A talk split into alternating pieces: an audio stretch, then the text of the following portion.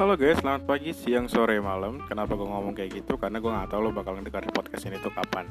Tapi uh, gue sebenarnya belum nemu nama yang pas untuk podcast ini dan kalau seandainya lo punya saran, bisa banget lo DM gue di Twitter bagi yang tahu.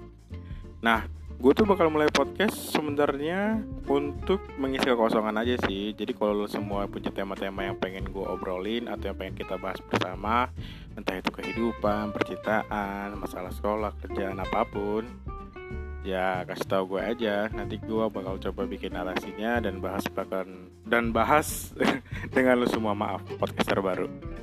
Nah segitu aja sih. Cuman mungkin ini gue bakal bikinnya itu weekly kali ya. Jadi See you soon on my podcast. Bye bye.